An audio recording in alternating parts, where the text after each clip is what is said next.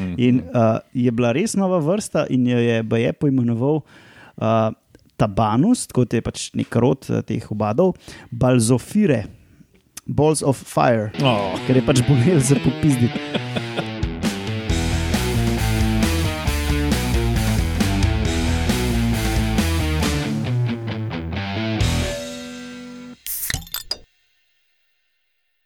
Lep pozdrav, poslušate 77. oddajo Metamorfoza, podcast o biologiji organizmov, ki vam jo predstavljamo skozi lahkoten pogovor o pivu. Danes na sporedu posebna oddaja o posebnih organizmih, muhah. In mušicah in drugih muhah. Ja, to, ja, kar, O družini Mohace. To je bila zdaj biološka fora, ful, relativno smešna. tako da. ja, to je kot un, uh, dva muscide na en briofita. Pač To je dve muhe na en mah. no, samo da je dala ona uh, končnico za, za rastlinsko rastlino, ja. ja. Ja, familijo. Zbrali smo se skoraj uh, kompletna, standardna zasedba, Urša danes ni mogla, uh, so pa tukaj Roman Luštrik, Hello. uh, Laura Rozman Živijo. in Alenka Rozman. Živijo. in jaz, Matjaš Gregorič. Um, vsebina danes bo nekako najprej bomo naredili uvod v muhe in full splošno v njihovo ekologijo, pa potem bomo malo pogledali življenjski krok, pa zanimive predstavnike skozi eh, njihove obustne aparate, pa malo o forenziki, pa na koncu še vprašanja poslušalcev. Zadali smo si, da bo ta epizoda, da bomo vse spakirali v eno, v en del. Eh, Če se bomo pa slučajno preveč razgovorili, boste pa to zvedeli sred epizode, pa bomo mogoče naknadno brezali. Ne je uspelo, no bomo češ. No, super. Eh, Povejmo še, kdaj to snemamo, potem pa začnemo. Na današnji dan, leta 1979, je umrl Werner Forsman, nemški zdravnik, ki je raziskoval kateterizacijo srca. Kateteriza, a to je štajerska kakšna ali poseg? eh, Ne, štajersko je bilo katotizacijo. Roman. um, kateter vemo vsi, kaj je. Ne? No, pa da ti povem, Roman, eh, po čem je najbolj znan ta tip. Potem, da ko je bil še pripravnik, uh, je sam sebi dal lokalno anestezijo v, roki, uh, v roko, ne, in potem je prvi sam na sebi proval, če lahko da skozi veno na roki kateter do srca. In se da. In se da. Okay. Fajn. Ker danes to delajo, je tako čez dimlje ali nekaj tasga. In ba je se voha to, kar žgejo no, do srca. Ne vem, kje to pride ven, ampak No, on je to kot mlad doktor sam na sebi uh, prvi naredil. ne, mogoče gre čez Dimle, ki je blizu, ali z dimle, ki je velika vena. Tam se ne vidi, ker zareže. Aha. kaj jaz vem, zakaj. Roman Ja, na današnji dan. Ja jaz sem spet pozabil danes. Lahko pa pogledam, kaj Ni treba. bomo ja, kar- vem, se vem, kar sem to pa nisem. Ok, začnimo.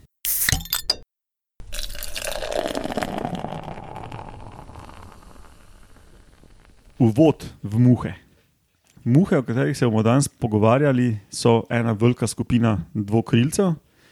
Dvokrilci so v grobem uh, žuželke z enim parom kril, ne? kot Ja. ime pove, kaj on. No, v redu, kar bo- bom pol Nekaj si sapo zajel. Um, no, in um, opisanih je okoli 150 tavžnih vrst, verjetno jih je okoli milijona.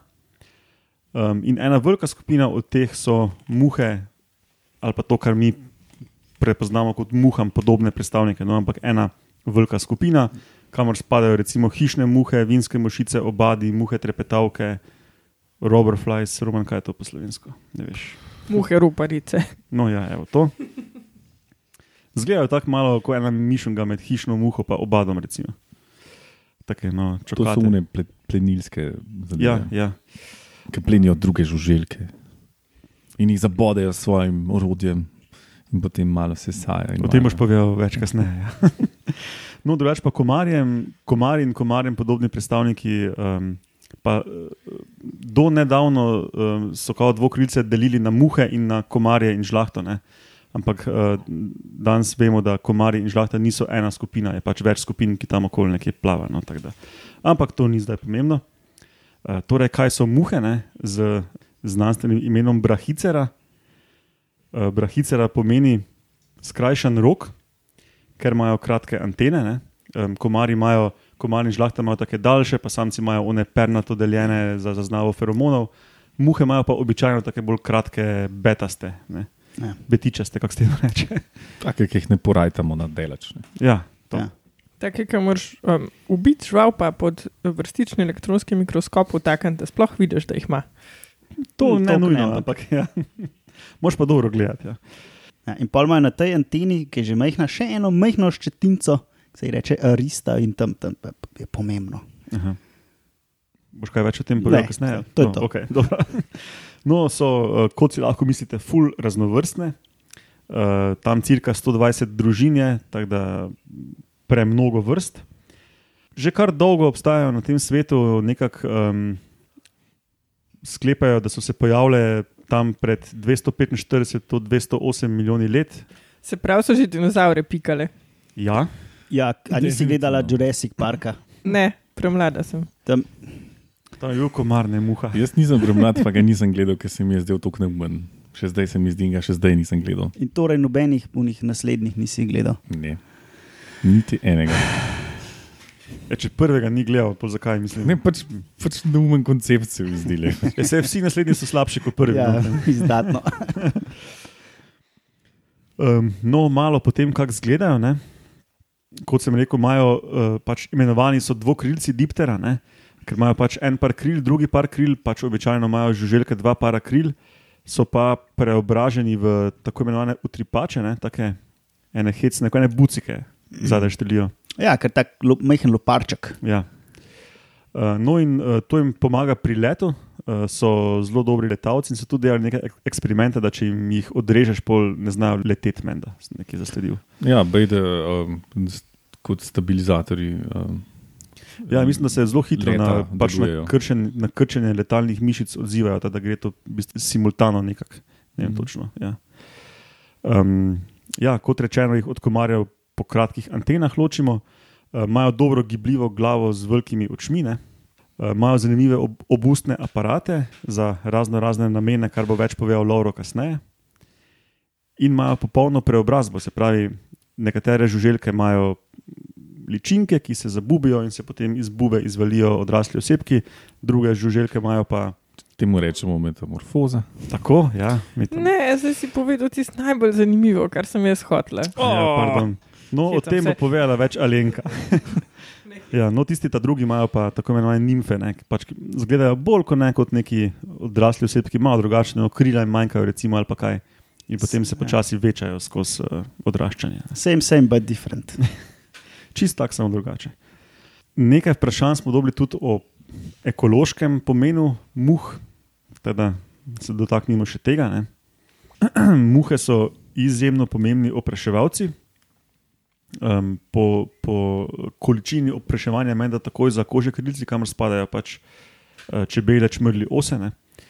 Um, in v evoluciji uh, so verjetno bile med prvimi opraševalci sploh, tako da so imele tudi pomembno vlogo pri evoluciji cvetnic. Ne. Mhm. Zato ene rože smrdijo, kot drekne. Meni Lauro še zdaj ne verjame, da imaščice smrdijo, kot drek. No, pač ne dišijo kot ne vem, um, vijolice ali pa vrtnice, ampak um, če greš pa drek povohat, pa poli vanščico, pa vidiš, da ni isto. No. Halo. Ampak mogoče je pa dovolj dobro, da Mislim, več Glede, glede na vrtnico gre mogoče malo uno drekovo smer, ampak je pa zelo velika, zelo velika razlika je še do dreka. No. Mislim, Vmes so vsaj še ne vem, kakšne druge rožice, pa pol je še uh, ginkova semena, pol pa smo pa že pri dreku, ne. ampak Čak. do tam je še zelo daleč. To, to se sliši pa kot una serpentniškova lestvica, veš, najprej boh, Ja, čisto poj je. doh nič. Tako da pač, da to smrdi po dreku, na Ivanščica je tako mal farfetched. No. Ja, mogoče pa Lenka v infrardečem voha. Pa. Mogoče, no. Moče pa ima von po malem kakcu, Laure, in ene muhce pač to preferirajo. Ne? Ko ima mulj usrano plenico gor, diši po ivanščicah. Težko bi rekel, da je Ivanščica diši, ampak da, pa, da smrdi po dreku, pa tudi tako daleč pa ne bi šel. No. Lahko odpremo anketo, pa poslušalci glasujejo. Na, ja, Ja, pejte ven, pa povohite Ivanščice, pa Pa nam sporočite. sporočite, po, a dišijo po dreku ali ne. Zdaj, če kakšni uh, otroci to poslušajo, so zihar navdušeni, ker smo rekli stokrat drek. uh, no, nadaljujmo. Muhe so izjemno številne, tako po številu, biomasi, uh, raznovrstnosti ne, in so uh, praktično posod uh, v vseh habitatih, od Arktike do tropov, um, prisotne v vseh trofičnih nivojih, tako da pač imajo izjemen ekološki pomen. Ne, so um, razkrojevalci, rastlinojedi, plenilci, jejo glive, uh, paraziti in so pomemben plen, ker jih je pač toliko in tam letajo okoli in so slastne. Ne. A pa bi bila kakšna škoda, če bi vse muhe zradirali, tako če bi prišli marsovci, pa bi ukradali vse muhe. Kaloro me skozi prepričuje, da ne bi bilo nobene škode, če ne bi bilo muhe. Ja, zdaj sem spremenil svoje mnenje. No. Ker, sem, ker sem si zelo obširno prebral v teh muhah in, um, in sem ugotovil, da mogoče bi pa malo se poznali, če jih ne bi bilo. No. Ampak lahko bi jih iztrebili vsaj tam, kjer živimo Lauro in jaz. Recimo, to ne bo slabo. Ne. Z um, širšo komarsko žlahto. Definitivno. Začenši s, komaršo, s komarsko žlahto. Ja, če bi začeli s komarji in neke, nekaterimi bolj nadležnimi muhami, pa bi bila mi dva z Matjažem hitro zadovoljna, pa lahko ostali unek, ki po rožicah letajo, z veseljem letajo še naprej. Ne. Kaj to pomeni, da mi dva pod reko smrdimo? Ali pod reko dišimo, no, kakorkoli vzameš. Karkoli vzameš, ja. morda včasih ne vem, kako to muhe zaznajo. No. Težko reči. Um, no, če gremo dalje s tem uvodom, um, muhe so tudi pomembne za človeka, ali verjamete ali ne. Uh, Lauro zdaj delno verjame. Recimo, da so pomembne za No, ekosistem. lahko so pomembne v negativni ali pa v pozitivni smeri. Ne? Ja, ne, ne razlikujemo tle. no. So vektori za bolezni, recimo um, en tak znan primer je muha CC, ki prenaša uh, tripanosomo ne, um, in uh, naredi dost škode, recimo v, sub, v subsaharski Afriki uh, na živini in na živini tam dela tudi dost škode. Um, Roman Blowflies, Schmeißfliegen po nemško. To so one, ko ličinke pod kožo rijejo. Ja, kot Um, ja. kravi za Ja, no, ja, ja, in potem ja, tudi na živini ful škode delajo. Enim konji imajo tudi eno svojo varianto, ki jim v kolust zležejo, pa polka poliže, aktivira tisto ličinko, pa se mu po, po prebavnem traktu pase, pol kaka Mhm. in pol spet iz unga dreka, izleti muha in pol spet se uh, uh, uh, odloži, odloži svoje ličinke konju na gobac in evo. Aha, zdaj sem se po moje spomnil, čak sem da preverjam. Blowfly ne, ima slovensko zelo uh, lepo ime. Brenčačke, Okay. kaliforide. Uh, ja, mimo grede za poslušalce Romana, skozi sprašujemo o teh imenih, zato ker je on uh, ljubiteljski muhar, muholjubec. Ali pa bil, ne, zdaj se fulman s tem ukvarjam. Ampak Ja, No, pa to je že dosti več kot mi. to, sem, to, to je bila ena od uh, idej, da bi za diplomo delal. Aha. Pač tudi ta forenzika, pa muhe. Pa. Uh -huh, uh -huh. Uh, no, ko si glih omenil forenzike, uh, tudi medicinsko pomembne so muhe za človeka. Ne? Um, uh. -huh. In v medicini, ne vem, koliko še danes, no, včasih so bile malo bolj verjetno za odstranjevanje onega uh, trohnečega tkiva z ličinkami ali ali pa kaj Mislim, takega. da se še zdaj to dela. No? Um, Definitivno vse. Pa v forenziki, ne? kar boš pa ti več povedal, Ja. ne, Roman, kasneje. Ja, v medicini se to tako uporablja, da ti dajo ličinke. Človek ima neko ne, kronično rano, ki se ne zaceli, in pol leta se ne zaceli, nikakor. Um, to so nam kazali na je predavanjih. Mrlo meso. Ne? Ja, ja, pač skozi se neki problemi so, pol dajo pa tako te ličinke noter, ne vem, za neko kur, pa česti dajo tako prevezo, ki ima okenček noter in pol pač lahko gledaš, kaj lezajo not pa jejo.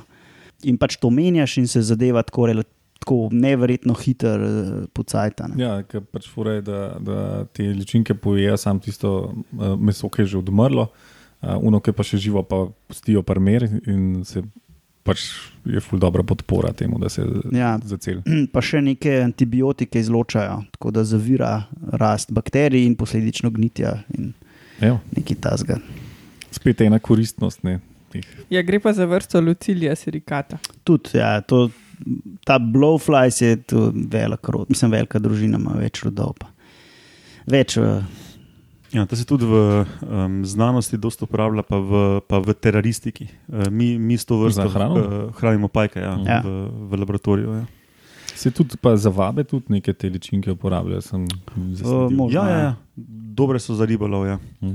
Uh, no, in da sklenemo, uh, sklenemo ta pomen za človeka. Um, vinske mušice so izjemno pomembna in izjemno pogosto upravljena laboratorijska modelna žival. Ne, v Ja, vse sorte raziskavah. Ne. Ja, recimo genetika je veliko bila na začetku uprta na to. Uh -huh.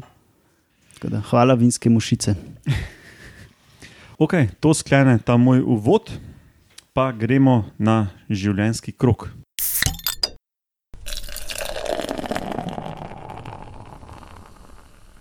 Ja. Muhe um, se izležejo iz jajca, in potem so ličinke, in potem se zabubijo, in potem so odrasle, in potem spet ležejo jajca. No, in odrasle muhe, samo samice, zležejo od 1 do 250 jajc naenkrat, lahko pa to delajo večkrat. In pri uni muhi, o kateri smo prej govorili, ki je. em, Lucilija serikata. Ja. Ja. V bistvu v ujetništvu zleže do 2000 jajc, ena samica. In jajca pa rabijo od nekaj ur, tam najmanj 8, pa do nekaj dni, malo odvisno od vrste, pa malo tudi odvisno od razmer, da se pol ven izleže ličinka. Ličinke rabijo od 5 dni dalje, no. tako mm, tam do, kaj pa jaz vem, koliko, verjetno 3 tedne maksimalno. Mislim, mislim, da je 20 dni pod takimi nekimi normalnimi pogoji, da se o- iz jajca do odrasle. Ja, To po mojem ful varira. Verjetno odvisno No, vrste no, to, in razm- temperaturi in tako naprej, in vlažnosti. Ja, ja, predvsem temperatura. Ja. Uh, ta navadna muha, um, muska domestika, je v optimalnih razmerah dva tedna, pa tudi, tudi do 30 dni, če, če je temperatura slaba. Se pravi, če relativno redno nosiš smeti, pol je to v redu. pol prekinaš krok. No, pa pa je še buba, kar povprečno traja pet dni, odrasli pa živijo tam nekaj tednov. No. Um, se pravi, v bistvu v enem mestu zaključijo krok vseh tistih 2000 osebkov, ki se je prej izlegal od ene samice, in v naslednjem mestu, no, sami si računate, meni ta matematika nikoli ni dobro šla. Ampak to rata kar velik, velik, velik muh. No, ličinke nimajo pravih nog. Um, včasih imajo pa pač take neke štrcle. Ampak prave, mu- prave noge pri ličinkah so tiste, ki so v bistvu členjene. Um, in tega muhe nimajo. Uh, evolucija je šla pa v bistvu večinoma proti temu, da so se ličinke čim bolj poenostavile. Um, take une črvaste, bele, migetajoče um, stvari, ki jih kažejo ponavadi na nekih teh krimi nadaljevankah ali na nizankah, no, ki tam po trupelcu lezijo. bleh. Ali pa če zelo dolgo niste nesli smeti. Ja, če, če je poceni film, včasih po truplih lezajo uh, Mokari, li, ličinke hroščev mokarjev, ja, ki nimajo nič s tem. Ja. pač kar se jih da v trgovini kupiti. a ne. Mislim, vse muhe se da tudi vsake ribiški, vsaj pri nas. No. Mislim, vsake, v večini. Vseh treh, torej. Ja. No, evolucija ni šla samo proti poenostavljanju, ampak tudi, tudi proti temu, da se ličinke čim manjkrat levijo, preden odrastejo. Se pravi, v bistvu, eh, k temu, da se cikl čim bolj pospeši. In um, povprečna muha ima tam nek 6 do 7 levitev, včasih 8, uh, te najbolj napredne iz družine kratkotipalčnic, ciklorafa. Ok, zamemo. Ne ni strinjamo, to, ja, se strinjamo. Ja, gotovo je to. Uh, te imajo pa samo tri levitve. Ma to so te čisto obične hišne muhe in te Aha, ta, ta druga ogabna. Vse to smo mi trije vedeli, ampak za Mhm. poslušalce. Ja. Ja, ja, ja, ja, ja. Pa te te zelene, no, ki se tako fule posvetijo. Mesarske. Mesarske. pa to. A ni to isto? No, Ne, no. mesarske niso te, ki se Razloži, svetijo. Roman, razloži. No, povej. Ne, te, ki se svetijo, so te brenčačke. Aha. Aha. Mesarske muhe so pa take progasto bele, čr, če temne pa svetle proge imajo tam čez to. Aha, une. Okay. No, tu moram povedati, da tudi um, na Štajerskem, ko sem jaz odraščal, smo ta zelenim očitno napačno mesarske muhe. Ja, mi smo jim tudi tlele v teh krajih. Onim ta velikim, takim uh, malo progastim smo pa konske muhe pravili, ampak moče so to mesarske. Aha, no, horsefly v angleščini Je pomeni obat. Mhm. Ja, to vem. Ja. Um, drugačne mesarske tudi tako prepoznaš, da imajo take na tacah, imajo take velike, tako, Ščetine. uh, ne, tako. Kot en srček imajo na koncu, kot sto palce v obliki srčka. No, tako. Mhm. Ja, pa i. Um, dač, to je to, kar imam jaz zanimivega povedati o, o življenjskem krogu. Edino, eh, kar me je še fascinantno, je, da seksajo v luftu. To mi je fulnoro. Pa obračajo se zraven v- pod čudnimi koti v njih samci. Ja. zaradi tega, ker imajo pač neko um, komplikacijo z, z, z uno analno in spolno odprtino. Uh, drugač povedan, drugač jim ne pride k v zraku. Rabijo adrenalin ali nekaj. Oh. Um, povemo še zanimivost, da uh, dosti ali vse uh, ličinke muh nimajo glave. Ni povedala, ampak. Uh, je poenostavljena. Pač zgleda sam kaj en črv. Ja. Ja, in je pač bolj ali manj sklerotizirana in to je to. Lej, pač njihova glava je reducirana na dva obustna kavlja. Odriti je pa ločeš tako, da nariti sta pa dve črne pike, ki sta v bistvu te cevke za dihanje. Pa To leze je v to. smeri glave. Ja, a ni prav. Je, je, v redu. Je prav. No, pač nimajo glave, mislim, imajo, ampak no, ne vem. Pač. So pa um, Zelo reducirano glavo. morfološko, se pravi po obliki, so po celem sistemu mušjem precej podobne, medtem ko po ekologiji in po fiziologiji so pa menda ful različne, ampak nisem jim dal No, no. to spuščati, Vse bom jaz o tem več povedal. ker imamo za to romana. Ja, Roman bo povedal vse, kar bomo mi pozavali. Dobro, potem pa gremo na zanimive predstavnike z njihovimi zanimivimi obustnimi aparati.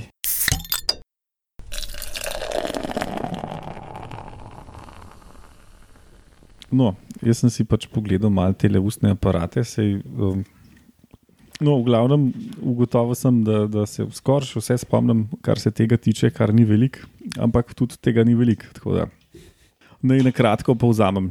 Obustne končine muhe so nekako na glav, uh, obsegajo labrum, labium, mandibule pa maksile. Evo, uh, in iz tega nekatere eh, predstavnike sestavljajo tako imenovano bodalo sesalo.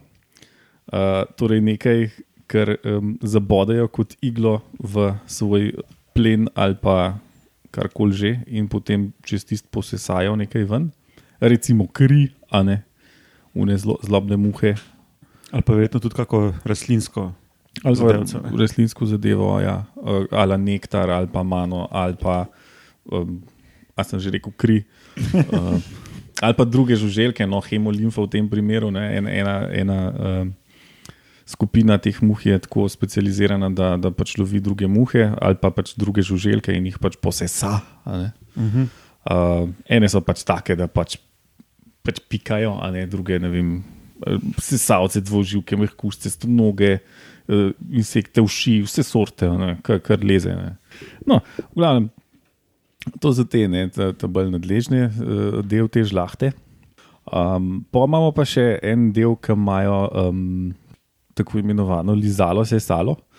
Um, to zgleda, recimo, pri navadni muhi tako, da, tak, da imajo na koncu uh, uh, tega obustnega aparata tako blazinco, Ja. s katero potapkajo. Kaj a na viledica tako. Ja, ki z viledico potapkajo pač karkoli že, No, to se pa tudi s prostim očesom lepo vidi Ja, ne, zelo pri, lepo pri se navadni hišni muhi. in potem tisti nesejo hustom in tam posesajo dol.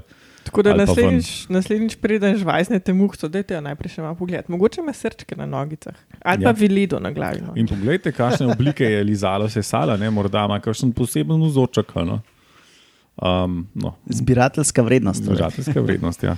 No, v glavnem te so take, take zelo očitno, tako da tle ne bi nič kaj posebnega govorili. Um, pa so pa še uh, ti ljubadi, Roma na to še pa še zraven. Absolutno. No, Ja, sicer obadi ne, so pač eh, znotraj Brahicera, mislim, da so. Um, je ena velika skupina obadi in žlahta, pa ena velika skupina vse ostalo, če sem si prav zapomnil. ne. Tako Da so malo posebni ti obadi, ampak so muhe. Ja.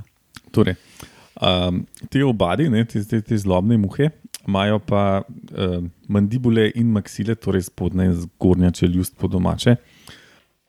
Tako take nože predelane in zarežejo tako v obliki črke X um, v nedolžno žrtev, prosim, in potem, ki tam ven teče, uh, pač ližejo, ne. Ja. Kri. ne. Ja, imajo tudi zgobico, pa popivnajo. tako. Mhm. Uslugo ti praktično naredijo. Nekako, no, razen da pol ti malo srbi, pa malo boli, pa da je, da je pol še čas operen. ne. Ja, jaz, ko bada vidim, me kar eh, stisne, pa začne mahati, tako da kar vem, koliko boli, ko, ko zareže. v bistvu. ja, kar, kar zoprn je. No. Jaz tudi pol, pol laufam tam po hosti in delam čudne gibe. Se pravi, obat ne ugrizne in ne piči, ampak zareže. Tako je, Ja. ja. tako sk skalpelček v v bistvu. obliki črke X. Ja, tako lepo ranco naredim. Tako da, um, pol imam še tako, no, um, glede prehrane, lahko še malo pofilozofiram. Druga, drugače, če, če lahko sam uh, Izvoli. glede obado eno anegdoto, ki ne vem, če je resnična, ampak jo bom vsem povedal. Um, en, majster, ki se je ukvarjal z obadi, je bil enkrat na terenu in ga je pač čez ne vem koliko oblek žvajzno en obad. In pač, ker je bil on že strokovnjak za te, je vedel, da je pa nova vrsta, ker ful bolj boli kot ostali. Mhm. In uh, je bila res nova vrsta in jo je BE poimenoval uh, Tabanus, kot je pač nek rod teh obadov, Balzofire, Balls of Fire, Oh, ker je pač bolel za popizditi. dobro, dobro, pa še čez veliko obleka. Ne? Ja, ja, ja. ja.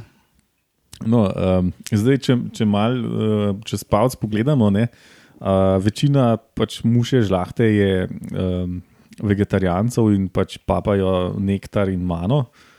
Um, z larvami je pa tako, da so v glavnem um, bolj razkrojevalsko nagnjene, kar se prehrane tiče, uh, pa so pa ostale stvari, ali plenilci, rastlinojedi, vrhovinari, paraziti, ki so pa manj pogosti, ampak bolj nadležni. Saj je lovro tu. Saj meni, no. Ja. Ej, kva pa s tem vuham trpetavkam. To ti bo porum povedal.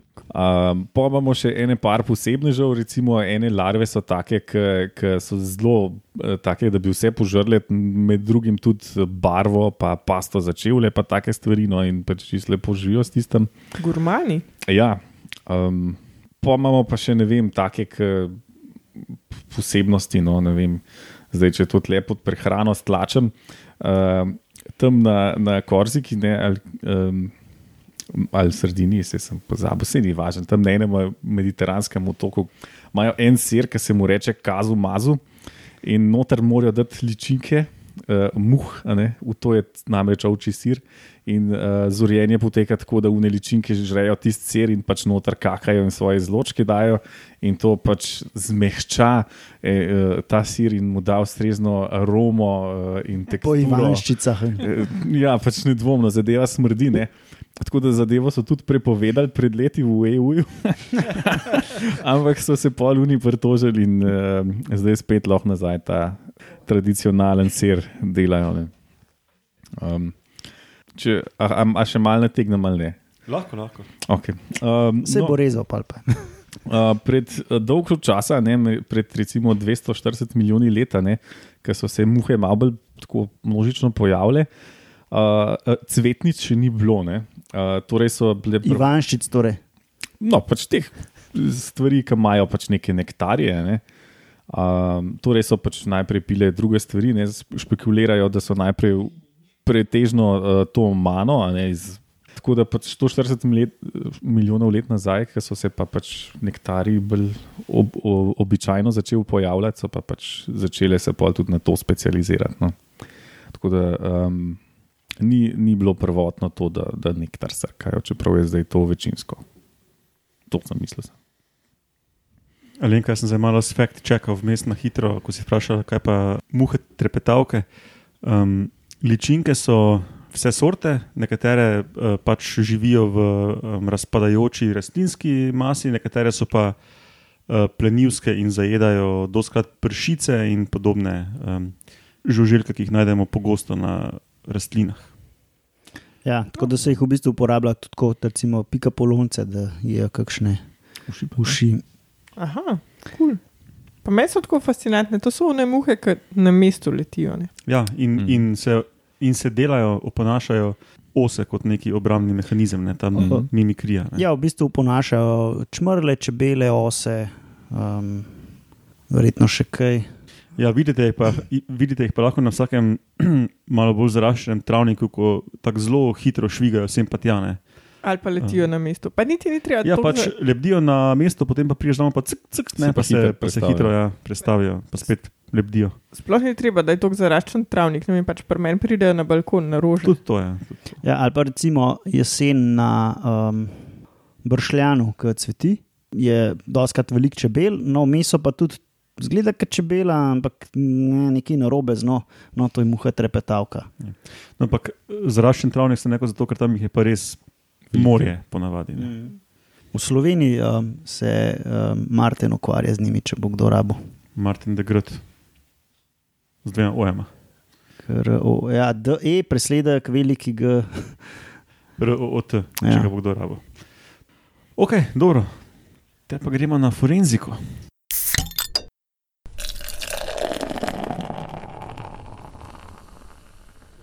Ja, uh, pač jaz sem mogel nekaj predstaviti uh, čašice um, na temo muh in sem se odločil, da bom nekaj o forenziki povedal. Uh, zdaj, veliko ste že pred mano povedali, kar se muh tiče. Lenka je povedala, da imajo uh, ličinke več faz, pa da so ekološko pomembne. Pa jaz bom še povedal, da so, tako kot tudi ostali insekti, uh, pojkilotermni, se pravi hladnokrvni, kar v praksi pomeni, da temperatura vpliva na njihovo rast oziroma hitrost rasti oziroma razvoj. In vse to, vsi, v bistvu vsi ti detajli, ki jih vemo o muhah, ampak to govorim tako, uh, kdaj pride muha, recimo na nek, rečemo, truplo, uh, v kakšnih razmerah pride, koliko hitro raste, uh, koliko hitro raste, glede na temperaturo. Tako res, vsak detajl, ki se ga lahko zamisliš, glede muh, uh, se uporablja v forenziki, zato da lahko določiš, recimo, uh, čas smrti ali pa mogoče celo mesto smrti. Uh -huh. um, ena um, dobra kolegica od moje žene, Kolumbika sicer, se je ukvarjala z muhami karibov, ki so forenzično pomembne. Ne? In je ravno na to uh, pač, uh, delala na nekih vrstah, ki imajo zelo osko, zelo osko območje razširjenosti. In lahko recimo zveš, če je truplo bilo prepeljano kam. Ne? Pač, eh, ne vem, se ena muha pojavlja samo um, pač na nekem otoku, kjer se je zdil, zgodil umor, se pojavlja samo v enem gozdu. Recimo, ne? in potem najdeš to. To muho, mislim, ličinko te muhe pa na truplu vem, 50 km stran, ne, kjer nikoli te muhe ni. Ne, in pač veš, da je truplo bilo prenešeno od tam pa tam. Recimo, ne. Ja, zanimivo je to, da je nekaj tudi povedala, da, so, da, da je nekakšna evolucija stremela k tem poenostavitvam ličink. Um, in to, to gre zelo ne na roko forenzikom, oziroma ko ti vzameš najlahko. Rabiš biti res, res strokovnjak. Zato, ker prva stvar, um, ki ti do teh ličink prideš, je, da določiš, katera vrsta je. Ne? In če ti tam vidiš eno. En bel soček, ki ima gor, ne vem, dva spirakla, pa dva, dve ščetine, zdaj pa določ, kaj to je. Ne? Uh, je ful težko. Ne? Tako da se tudi genet, zadnje čase z genetiko poslužujejo določanja. Sem glih hotel reči, da zdaj v dobi genetike pa to res ne bi več smel biti tak problem. Ja. Uh, tako da ta problem je relativno lahko rešljiv danes. Ampak ja, včasih so se mogli pa pač zanašati na to, da je nekdo res zauze, zauzeto šel une ličinke naštudirati, pa kako se razvijajo, pa kakšne kak, uh, kak, morfologijo, se pravi, neke te zunanje značilnosti. Če ne so mogli pa počakati, da se razvije. Ne. To je pa tudi eden od načinov, da v bistvu no, bom kar uporabil. Uh, To, ta segway, ne, kako se prehod, ta prehod bom uporabil. Se pravi, ti lahko čas smrti določiš tako, da pogledaš ličinko in če, če recimo je, eh, si relativno um, zihar, da je bilo truplo v um, nekih kontroliranih pogojih, recimo v stanovanju, pogledaš ličinko, koliko je velika in takrat ličinko zmeriš in pač iz poskusov se ve, da ličinka pri neki temperaturi v x času zraste do te velikosti in lahko nekako nazaj sklepaš, da je bil dan, uh, pač čas smrti. Ne. Lahko pa sklepaš tudi drugače, da pogledaš ličinko, aha, ok, to je ta, zdaj pa jo daš v kontrolirane pogoje, pa čakaš, da pride ven odrasla žival. In lahko v bistvu na dva načina. Eno je, da vidiš, kdaj je bila izležena, kdaj, drug konec je pa, kdaj se uh, odrasla žival pojavi. Ker pač veš, koliko je ker, cikel ker dolg. ti ne. veš, da je pač cikl dolg x dni, uh, in lahko sklepaš na to, kdaj je bila tam uh, tista muha, od, pač je odložila uno jajče, jajčece oziroma jajčeca. Je pa pomembno, da veš, katera vrsta je, zato ker različne vrste imajo različno dolge cikle in spet uh, pogoji, uh, okoljski pogoji so blazno pomembni. Uh, so študirali, recimo, da če temperatura niha v prostoru, se ličinke hitreje razvijajo v odrasle, kot če je stalna temperatura. tak. Tako, stvari, teh detajlov je pač tako neomejeno, ne bi lahko celo noč govoril. Pa še nekaj sem hotel reči. Čak. Aha, Lenka, rekla si, da izlež, izlegajo jajca. Ne? V bistvu mesarske muhe recimo, uh, so pa znane po tem, da odlagajo pa žive uh, ličinke, tako nekako taka vivi parija. ne. Uh, in pač lahko odležejo ličinko, tako in una žele takoj naprej let, uh, pač je. ne. Mm. Ampak mesarske muhe recimo, so tudi znane po tem, da malo kasneje pridajo na, na truplo, kot pa te brenčačke. Ne? Brenčačke so ponovadi res te prve. Pa, recimo, zakaj je pomembno, da poznamo vse te, vse te značilnosti vseh teh muh, pa recimo tudi horoščev, pa drugih živali, ne? ker iz tega lahko napovedujemo, recimo, če je bilo eno truplo dalj časa nekje, ne, a, je pa znano, kakšno je sledosledje živali, ki pridejo na truplo. Ne? Najprej pride ta vrsta, oziroma te skupine, pa luna, pa tretja. Ne? In če ti vidiš, da okay, zdaj je taka združba, to je pa, pač, če so bili taki pogoji, lahko sklepaš, okay, to je pa kleže na en dva meseca. Ne? In lahko pač tako približen, se je to, to daleč od tega, da bi bila to eksaktna znanost. Ne? Dobiš pa neke intervale, kar ti že lahko pomaga pri neki raziskavi. Ne? Ja, ker pač imaš primere, ki se je to izkazalo za zelo fajn. a ne. Um, pa recimo, zakaj je zelo fajn, a ne, da poznamo te osnovne stvari, ne, tako re- bom rekel, to bazično znanost, ne, ki je danes tako relativno podcenjena. Lahko pač eno, eno lastnost teh živali uporabiš res kot za neki. Uh, recimo, ne, ne, če veš, da muhe ne letajo, ki je prevroče ali pa ki preveč piha. Ne, veš, da, pa veš, da je bilo takrat tako vreme na nekem področju. Ne, okay, rečeš, v teh treh dneh muh ni bilo tam. ne. In, in lahko pač dejansko veš, pol, če rečeš, okay, zdaj pa en teden so muhe že kle, prej pa en teden ni bilo primernega vremena, veš, da je okay, dva tedna nazaj je bilo to klele od, oddano. Ne. In teh detajlov, se, sem rekel, tega je kukar češa. Ne, in, uh, je treba pa podariti, da ta pač entomološka forenzika, to je samo en košček v procesu, ne, daleč od tega, da bi bilo to nekaj dokončnega. In je pa to, no, kar vidimo v filmih, pač ja, ne verjeti vsega, rečem reči. Um, Gač pa ja, veliko detajlov je, če koga zanima, jaz pa lahko eno knjigo posodam. Sicer je malo stara, že ne deset let, ampak ja. Da, ima kdo vprašanje glede te forenzike? Ja, Linka. Muho A sam muho podiš. Okay. Ja, muha na mikrofonu, da jih slike, slike. To se z dinozauri ni zgodilo, ne? da, bi, da, bi, da bi subjekt eh, preučevanja prišel na mikrofon. Ok, potem pa, če ni nič vprašanj o forenziki, gremo pa na vprašanja poslušalcev.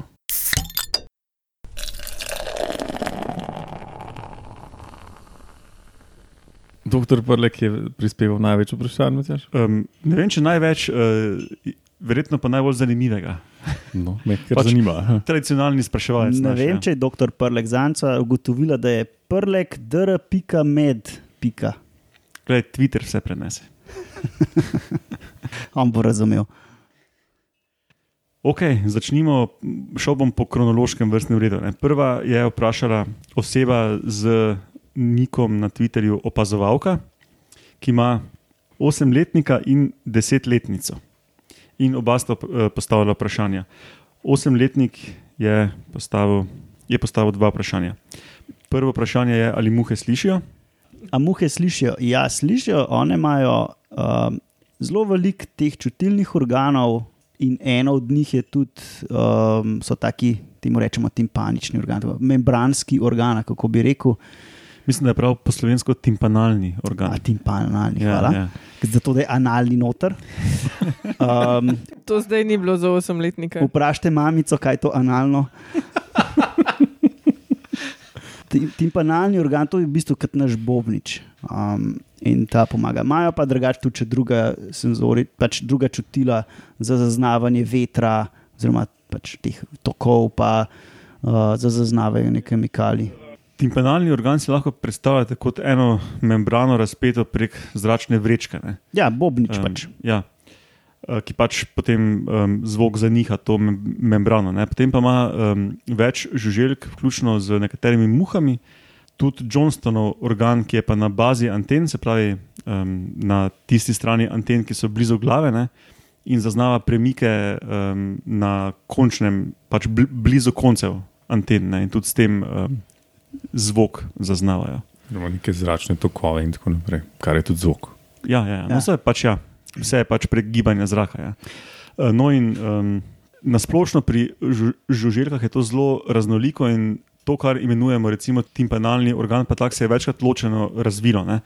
Uh, no, in je tudi pri muhah to ful raznoliko. Ne, in sem um, zbral kot en zanimiv primer eno um, en centimeter veliko muhico, ki parazitira murne.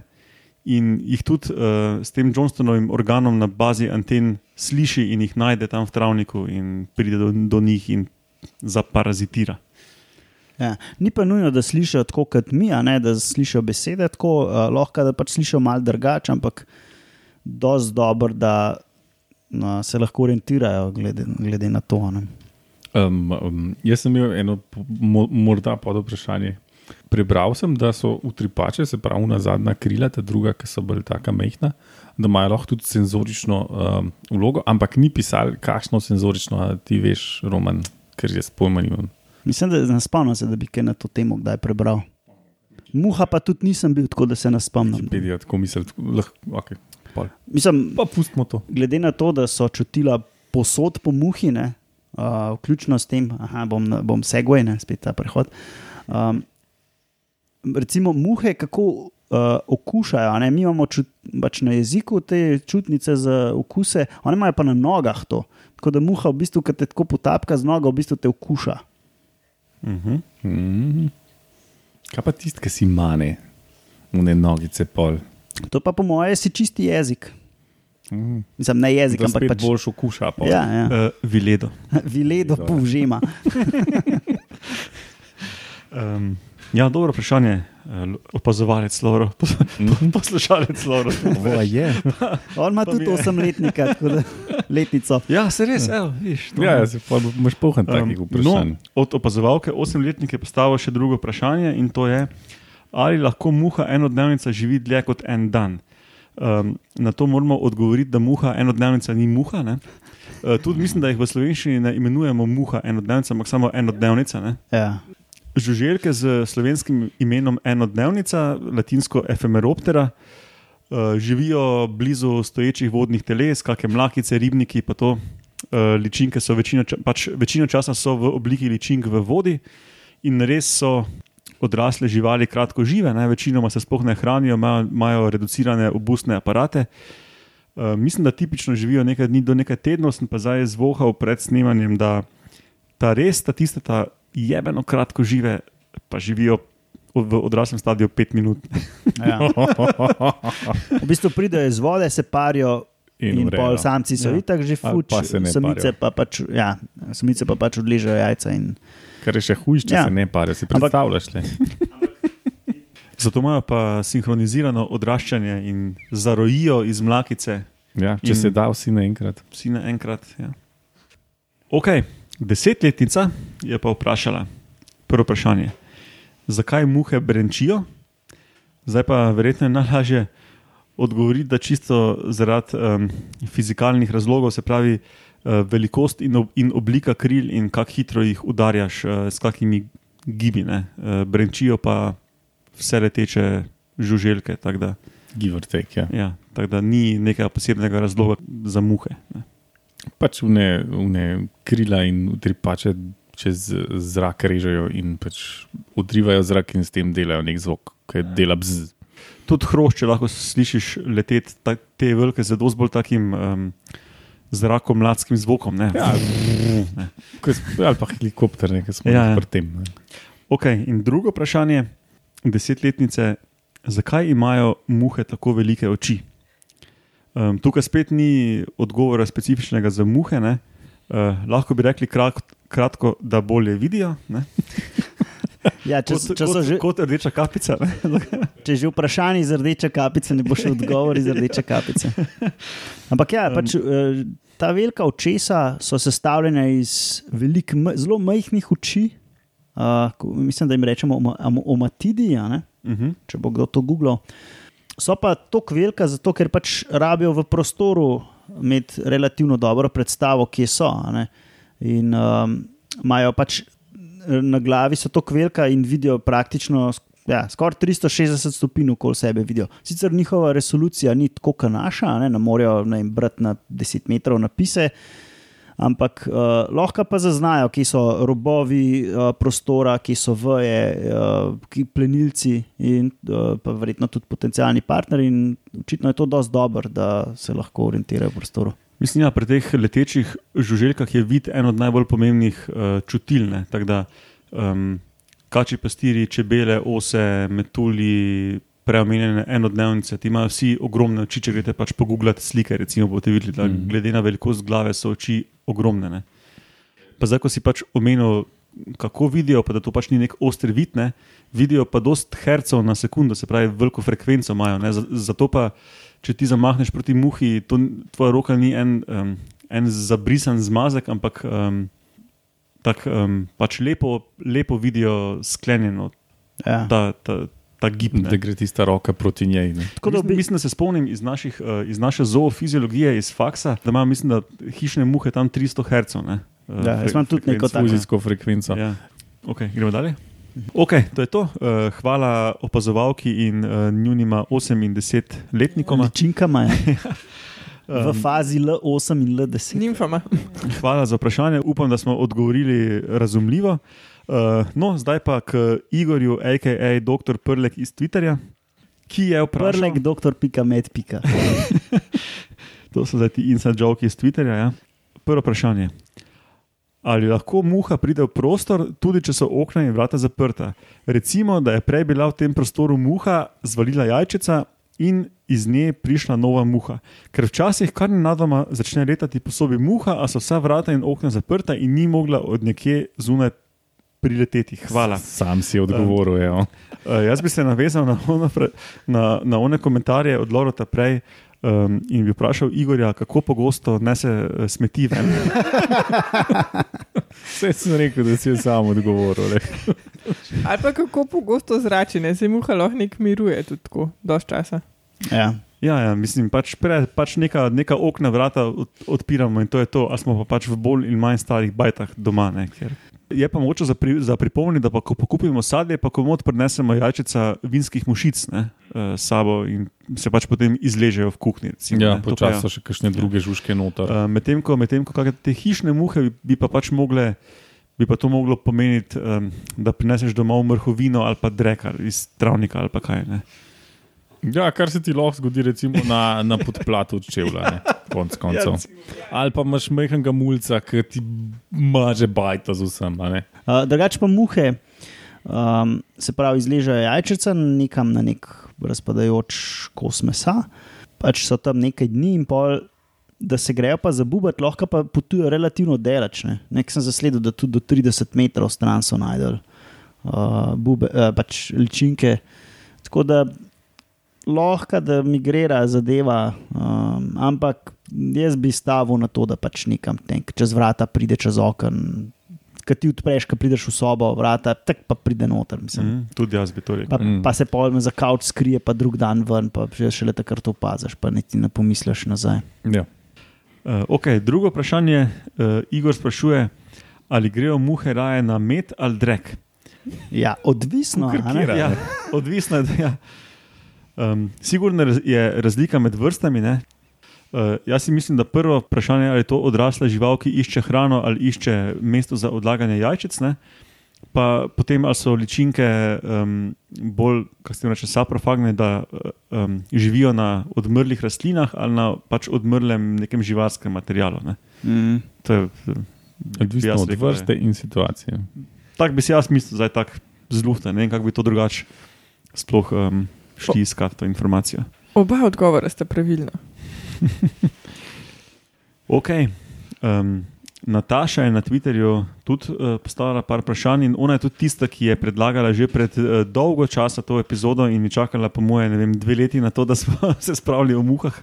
Govori. časa že snemamo. Tako da hvala za potrpežljivost, ali pa sigurno več kot leto. No. Uh, je ona čakala, mi pa smo zdaj v tretjem letu. Ja. Kdo čaka, do, ta, ča, do čaka, tudi Nataša. Eh, Bom prebral kar cele tri vrstice, ki jih imam tukaj na A4 listu napisane. Nataša pravi tako, ali sprašuje. Življenjska doba, razlike med raznimi podvrstami, koliko vrst jih je, vplivi temperatur na njihovo preživetje, pogoji za preživetje, ne preživetje jajčec, predvsem pa kaj je njihova vloga in funkcija obstoja. In morda kakšna uporabna bizarnost, ki jih privablja, odbija. Uh, wink, wink. A ja, Nataša, zavrci to epizodo od začetka, pa boš zvedela vse odgovore. Ja, no, čakaj, nisem še končal. A ja, pa če so kakšne zanimive študije in, in hipoteze o njihovem obnašanju. Um, kot si Alenka rekla, mislim, da smo že dost um, tega odgovorili, pač, da je raznovrstnost tako ogromna, da je pač Ja. vse, vse res in vse ni res. Ne? Nimamo dosti velike SD kartice, da bi to vse posneli. No, um, ampak um, ker je pač raznovrstnost tako velika in ker smo nekaj stvari že um, odgovorili, um, sem se pa odločil, da bom pa, pa povedal nekaj podrobnosti o naši hišni muhi. To je Ja. super. No, in zdaj poslušajte. Na glavo ti je ena Domača poletela. hišna muha. Ja. Hišna muha ali z latinskim imenom Musca domestica. To je ta uh, 6 do 7 mm velika črna muha, ne? ki bi jo uh, mogli vsi poznati kot to nadležno muho, ker je verjetno, ki se mi ravno kar na roko sedla, ker je verjetno najbolj razširjena žuželka na svetu, razširjena od Arktike do tropov uh, po celem svetu, ker je človek. Um, ena muha v več um, seansah izleže okoli, ena samica, okoli 500 jajc. In um, od izleganja jajc, uh, se pravi, če so optimalni pogoji, v dveh tednih uh, so že nove odrasle muhe. ne. Eh, Zelo, zelo hiter cikel. Mislim, da ta optimalna temperatura je tam okoli 30 stopinj. Sicer. Samica pri odlaganju jajc spušča ene hlapljive feromone, ki privabljajo druge samice, in zato takšna pač agregacija okoli nekih drekcev in to. Ne. Um, se pravi, ko prva najde drekec, zelo hitro to, um, to samico, ki je našla drek, zavohajo tudi druge samice in pridejo na ta drek. No, in um, kakšne pogoje pa imajo rade, rade te ličinke? Rade imajo topel, temen in vlažen substrat. Najpogosteje drek. Um, no, predvsem pomembna se izkaže, da je vlaga.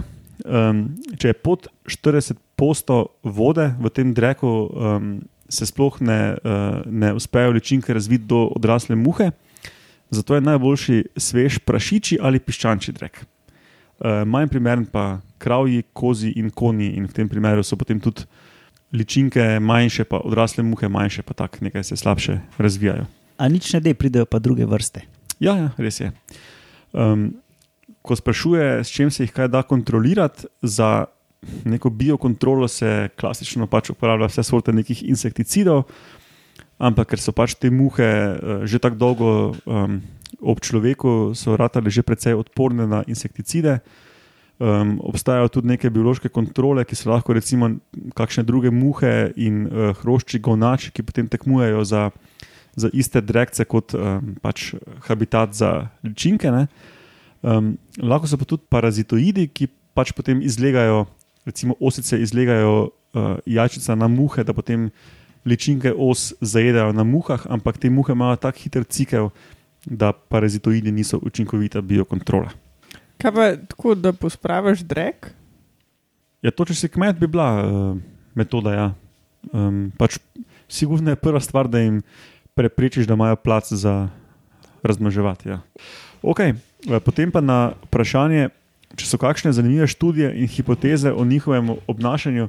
Ja, ker je pač velika diverziteta um, vrste, seveda ne broj teh uh, hipotez. Ne? In sem si napisal eh, tri ali ne, tako čist za zanimivost. Recimo nekatere muhe, uh, med njimi uh, muhe trepetavske, uh, muhe, A to iz Rusije, muhe trepetavke z, Ruske, z Rusije. To so sosedove. muhe trepetavke, vinske mušice in um, Roman, kaj, je, kaj so po slovensko one uh, beeflies, ki oponašajo čmrle in čebele, ki imamo tudi pri nas, take fluffy, kosmate, rjave. Mislim, muhe trepetavke so tudi take, da oponašajo čmrle. Aha, Uh, Imáš pa tudi, uh, temu se reče soldier flies, ampak niso čistka čmrli, ampak Veš, mogoče. te, ko jih pri nas vidiš, ko so v velikosti enega manjšega čmrla, take milka, rjave barve, fulkosmati. S rilčkom. A, ja, z Ampak so rilčkom. pa, so, so, pa to, so, so pa to muhe, ampak zgleda pa kot en čmrl. Pač, Pa, pa tudi leta tako na miru. Ja, ja, tako, ja, ja.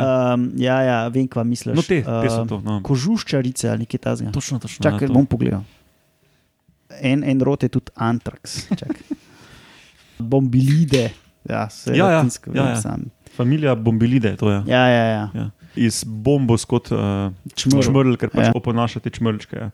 No, um, medtem ko ti iščeš roman, te, te muhe, se pravi trepetavke, čmrljarice, ali kaj si rekel, Čakaj, bom.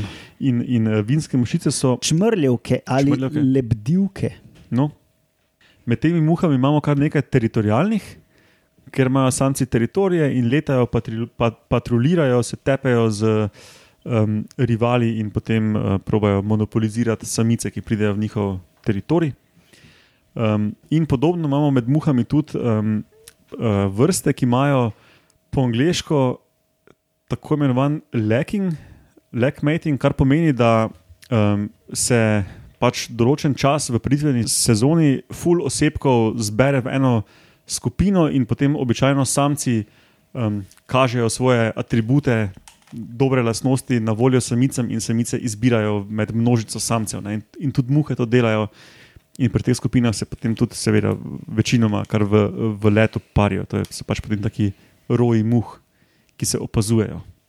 Muhe plešajo. Torej, Pa, ja, tudi mogoče, ne vem. Ni to neka oddaja na televiziji, neki zvezde neki delajo, neki plešajo. Ja, plešejo. pojejo, okej. No, muhe plešajo. To, na Zvezde ta muhe. način, sam da muhe.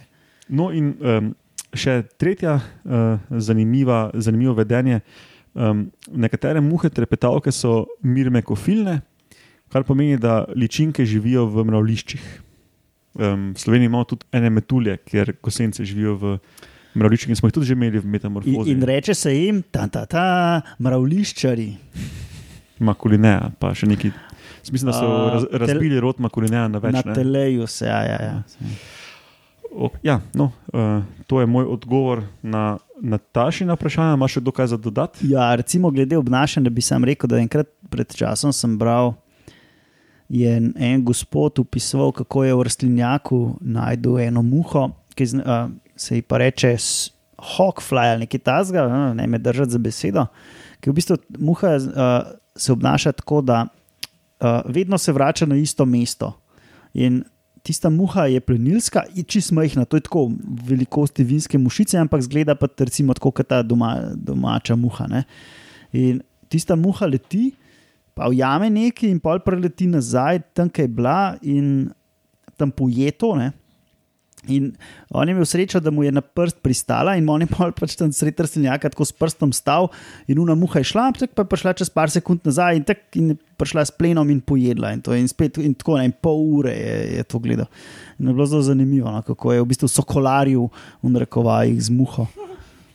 Drugače pa mislim, da Dipterist ali pa Diptera forum ali nekaj tasga, če pogooglate, um, so tudi, uh, če objavite kakšno sliko muhe, vam bojo verjetno kakšni angliži znali kaj pomagati, kar se tiče določevanja, pa verjetno tudi če kaj glede značilnosti te živali. Aha, pa predtem gremo na naslednje vprašanje. V bistvu naslednje vprašanje je od Tita, Tic sladkih. Tiks, ja, ki je bil pri nas uh, gost, ko smo, ko smo govorili v dveh epizodah, bila ena dolga o ribah. ribah. Mhm. Ja. Uh, no, on je na Facebooku, pisno ni vprašal, ampak je komentiral. Uh, lahko omenite muho, katere larve zajedajo na odraslih krastačah in je tako fina gor štorija. Plus slike so čudovite. no, um, to je vrsta Lucilija bufonivora. Uh, bufo je rod krastač, ne? uh, bufonide so krastače. Bufonivora pomeni, da krastačo jedec, ne? krastačo jeda muha. Ne? Eh, Lucilija je pa ta rod, ko smo prej pravili, to je ta, ki, eh, ta zelena, ki ima ličinke, ki pač zajedajo pod kožo. Ne? In ličinke te, te vrste pač so specializirane na, da so parazitoidi pač na živih krastačah in jih eh, pač tam žive počasi jejo. Ne? Vse to je kar definicija parazita. Ja. Ja. M- Manj ugodno.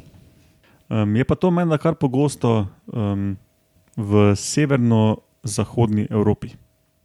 Um, bomo probali poiskati kakšne um, gori slike in jih dali v zapiske, če že ti to omenja. Uh, no, to, to je še eno tako zanimivo vedenje, mogoče čeprav vse te ličinke, vse te, vse, vse te skupine zajedajo na takšnih in drugačnih ja. živalih. Ja, um, ok, gremo naprej. Ja, prej si omenil uh, saprofage, nekaj tasga, uh Mhm. -huh. ličinke. No? Če, če, ma, če pa ličinka živi v lesu, se reče pa ksilofagne, je ksilos je les. Uh -huh. Uh, muhe trepedavke so tudi take, da jih najdeš v kakšnem razpadajočem, Mhm. trohnelem lesu. Ok, naprej. Igor Harp na Twitterju je vprašal. Zadnje leto vsake toliko berem o strahotnem upadu skupnega števila žuželk. Kaj se dogaja s tem? Ja, mislim, da sicer, uh, se ta komentar nanaša na, eno, na ene podatke enega nemškega muzeja ali pa mogoče ene skupine ne, ne, nemških muzejev, ki, so, ki sistematično vzorčijo neke, neke lokalitete že ne vem, nekaj desetletij in so opazili neki, ne vem, nekaj čez 70-odstotni upad, se mi zdi tako na pamet, v žuželkah na splošno. No, in ja, to je pač ni, ni za muhe specifično, ampak za žuželke na splošno uh, ta pojav, pa za, pa za vse druge organizme, ki jih pač človek z klimatskimi spremembami, fragmentacijo habitata in vsem ostalim. Uh, Pesticidi. Ja, pač Ja. ja. mi spremenjamo to okolje, da pač spremeni. in tako hitro. Ja. Ja. Ok, um, to je to, kar se tiče vprašanj. Mislim, da smo Lauro pozabili povedati, ko smo se menili pred snemanjem o največji in najmanjši muhi. Iz nekega razloga smo to pozabili. Ja, se je zgodil. Um, jaz sem zaznal, da je najmanjša 0,4 cm, se Mhm. pravi, oziroma milimetra celo. 0,4 mm. Ja. Um, največja pa 7, ampak ti si našel še boljšo. ja, v bistvu sem zvedel, da tak je do 7 cm, da je v bistvu do 6, ko so šli enkrat meriti muzejski material, ni bilo nobenih osebkov večjih kot 6. Um, največja še živeča muha sliši na ime Pantoptalmus belardi. S tem penalnim organom sliši na ime. Na nogicah ali kje že. Nismo povedali. Aj, nismo povedali. Ja, um, timpanalni organi so večinoma na prvem segmentu toraksa ali na nogah. Oho, Uh -huh. iz prvega. Ja, tam v, v kolenu v bistvu poslušati. Črički, recimo. Kot kobilce. Ja, ja, ja tako. Ja, no, um, Pantoptalmus belardi zraste v ekstremih do 8 cm in pol. Uh, najmanjša, Laura, pa kot si rekel, je pa um, Euriplateja na nanknihali, Lepo. Ja. um, 0,4 mm, se pravi, ne vem, zrnce soline ali nekaj, še manj. Ne? 400 mikrometrov, glavno. Ja, isto je to ron. Isto ljudem zelo malo pove, ker je to res malo, mislim, manj kot pol milimetra. No. no, in zdaj vam pokažem sliko, ki jo bomo dali tudi v zapiske. To je ta muha. No, To je, to A je, to leti sploh? Uh, po mojem, ne. No, ampak. In kako te, te hudičeve muhe živijo? Ne? Specializirane so na življenje ob nekih mravljicah v Severni Ameriki in na te mravlje, ki so full majhne in so ljudje mislili, da se s to svojo majhnostjo izogibajo um, plenilcem. Na te majhne mravljice, te majhne muhice izlegajo svoje, svoje jajca in jih potem li, ličinke žrejo. ne. Zdaj Laura reče: surprise, motherfucker. exactly. Um, Imaš še kdo kak komentar glede muh ali zaključimo? Klele piše ena, dvopiče 50, tako da po moje je dost. Se vsem šundrom okoli. Ja. No, ok, pol pa povemo še zaključno špico. Podcast prijazno gosti medijska mreža Metina Lista. Nas, kot vedno, dobite na e-mailu metamorfoza.afna.metina.si. Osebno nas dobite Romana na Twitterju pod uh, Etromuno, mene pod Matjaš Gregorič. Laurota in Alenko na Facebooku, njunem. Sledite nas lahko na Facebooku, na, um, na strani Metamorfoze, kjer tudi objavljamo nekaj stvari, ki niso v oddaji, pa so zanimive. Um, pa tudi na Twitterju pod hashtag Metamorfoza. Ja, in to je bolj kot ne to. Tako da do slišanja prihodnjič. Adijo. Adijo. Pa pa. Adijo.